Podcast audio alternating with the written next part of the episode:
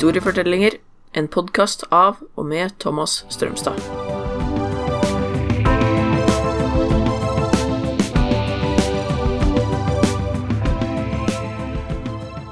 Episode 20 Den industrielle revolusjonen, del 2. Ja, da har vi kommet til en andre fase av den industrielle revolusjonen.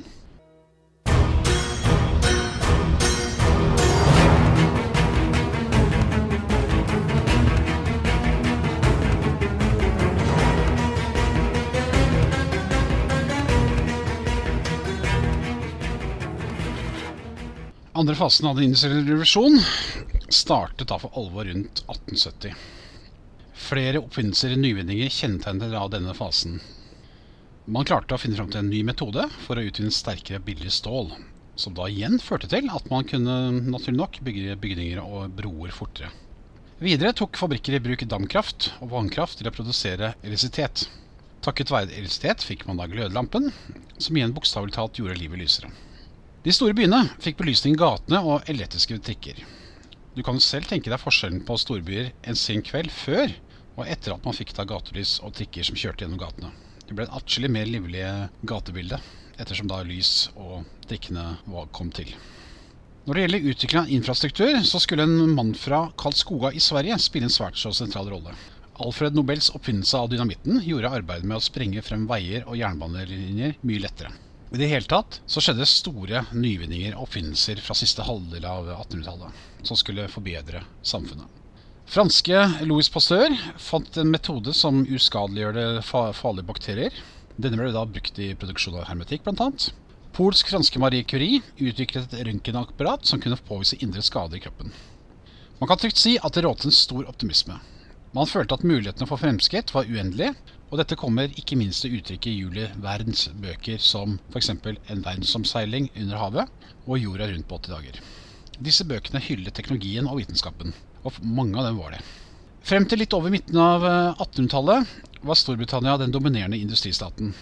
Ettersom landet hadde skaffet seg omfattende kontroll over verdenshandelen og hadde de beste og billigste varene, ønsket de også å ha mest mulig frihandel.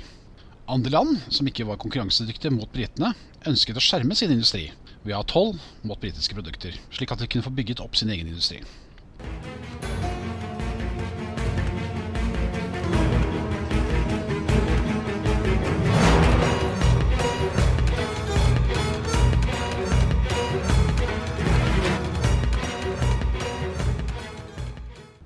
USA og Tyskland opprettholdt høyere tollmurer mot Storbritannia mens de bygget opp sin egen industri.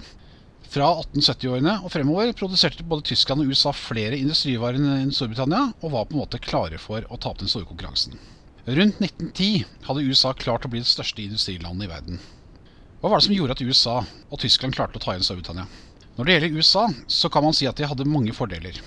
For det første hadde viktige ressurser som olje, jern og kull, og billig arbeidskraft, som kom i store mengder fra Europa. De nye immigrantene strevet etter å oppnå the American dream og en utbredt tankegang om at alle kunne lykkes, bare de sto på og gjorde seg gjeldende. Hvert menneske var selv ansvarlig for sin egen lykke. De amerikanske myndighetene motarbeidet derfor arbeidere som ville organisere seg i fagforeninger for å kunne bedre leveforhold. De som klarte å bygge opp store rikdommer ved egenhendig innsats, ble beundret, mens de som falt utenfor, hadde først og fremst seg selv å takke man kan si at det var et hardt og brutalt samfunn, men oppfatningen var at alle hadde like muligheter, og at de som lykkes, tilførte da samfunnet store verdier. Når det gjelder Tyskland, så var det slik at altså, Tyskland hadde jo også tilgang på ressurser, men det som var spesielt med Tyskland, var at i Tyskland så bygde man da opp et stort miljø innenfor vitenskap og, og forskning. Man fikk eh, høyskoler, Siemens f.eks., og man hadde da um, utdanningsinstitusjoner som da samarbeidet mye med næringslivet. Så tyskernes store fordel var jo at de utviklet en kompetanse, og bygde seg opp derfra. Man kan si at alt i alt så fikk folk flest både i Europa og USA det bedre utover i siste halvdel av 1800-tallet og inn i det 20. århundre. Tanken var at teknologisk og økonomisk fremgang skulle gjøre livet enda bedre utover på 1900-tallet.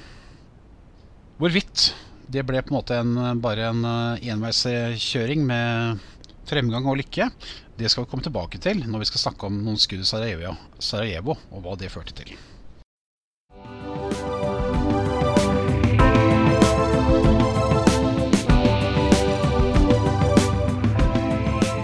Du har hørt historiefortellinger fortalt av Thomas Strømstad. Stein Surland har redigert podkasten, og voiceover er jeg, Rikard Surland.